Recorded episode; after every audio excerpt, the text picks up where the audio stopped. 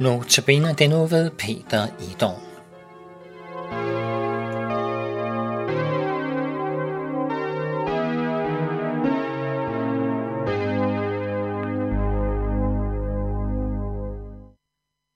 Overskriften til i dag er Nådens tid. I 2. Korintherbrev, kapitel 6, vers 1-2, står der sådan her. Som hans medarbejdere formaner vi jer dertil ikke forgæves og have taget imod Guds nåde. Det hedder jo, i nådens tid bønhører jeg dig, på frelsens dag hjælper jeg dig. Se, nu er det den nåderige tid. Se, nu er det frelsens dag.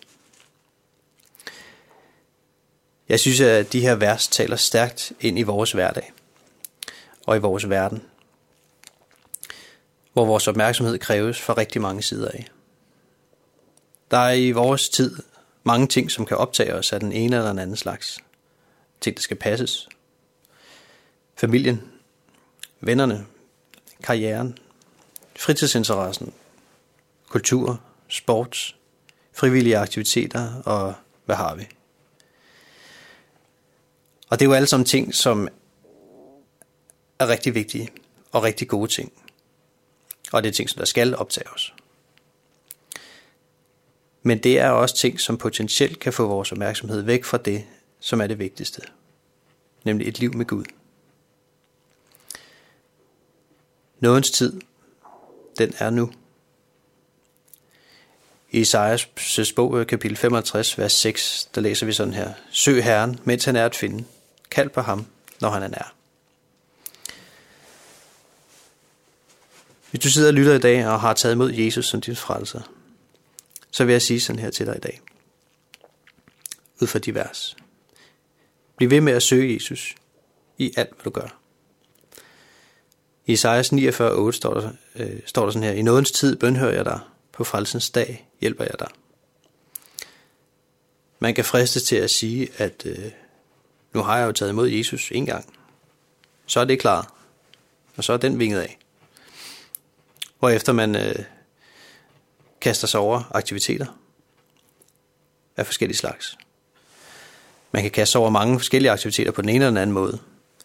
Og det er rigtig godt. Og det skal vi gøre. Jesus han kalder en kristen til at leve i verden med alt, hvad det indebærer. Og han kalder os til at leve som hans medarbejdere, ligesom vi læste fra Korintherbrevet. Men det kan blive så godt, at det pludselig kan være de aktiviteter, som du kaster dig ud i. Dine egne handlinger og dine fine tiltag, at det pludselig bliver dem, du støtter dig til. Du får mere opmærksomhed på dine egne visioner for dit liv, opfyldelsen af dine planer og drømme. Og konsekvensen af det kan være, at Jesus ryger i baggrunden, og til sidst måske glider helt væk. Og så er det forgæves, at du engang har taget imod ham. Det er det, Paulus han advarer imod her. Vi har en modstander, Satan, som ønsker, at du skal fjerne dit fokus fra Jesus og hen på dig selv. Og han sætter ind med fristelser til alt muligt andet, end at søge Gud. Og det er som regel rigtig gode ting. Men derfor vil jeg sige, glem aldrig at blive ved med at søge Gud, og søge fællesskabet med ham.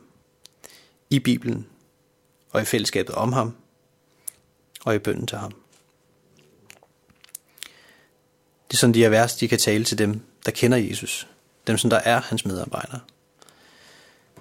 Men de kan også tale til dig, der endnu ikke har taget imod Jesus. Og til dig vil jeg gerne sige sådan her. Nådens tid, den er nu. Det er endnu ikke for sent at tage imod Jesus som din frelser. Og det er ikke for sent at få dit forhold til Gud på plads. Og det er ikke for sent at få tilgivelse for din synd. Verset, som vi læste fra Esajas 55, siger sådan her. Søg ham, mens han er at finde. Og det fortæller os, at der kommer et tidspunkt, da han ikke længere er at finde, hvor det er for sent. Jeg kender ikke det tidspunkt. Der er heller ikke nogen andre, der kender det tidspunkt. Men jeg ved, at der kommer en dag, hvor alle mennesker skal stå til regnskab over for Gud. Det kan vi læse om mange steder i Bibelen. Og den dag, der er det for sent, hvis du ikke har søgt Guds nåde og frelse.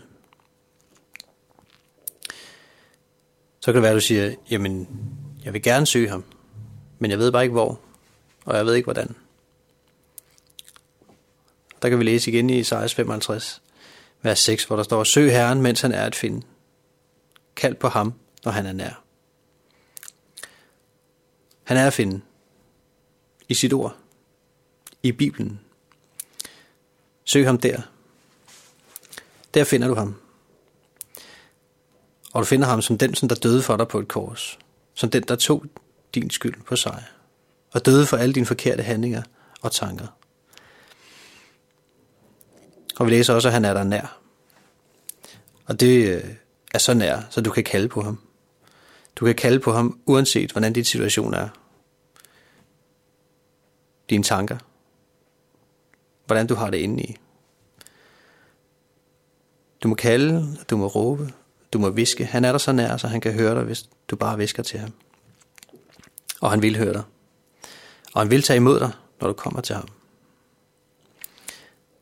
Igen i Isaias, denne gang kapitel 30, vers 18, der står sådan her. Derfor længes Herren efter at vise dig noget. Det er altså ikke sådan, så han siger, øh, hvis du kommer til ham, så ah, jeg er ikke meget for at lade noget gælde dig, men så okay. Det er ikke sådan, han siger.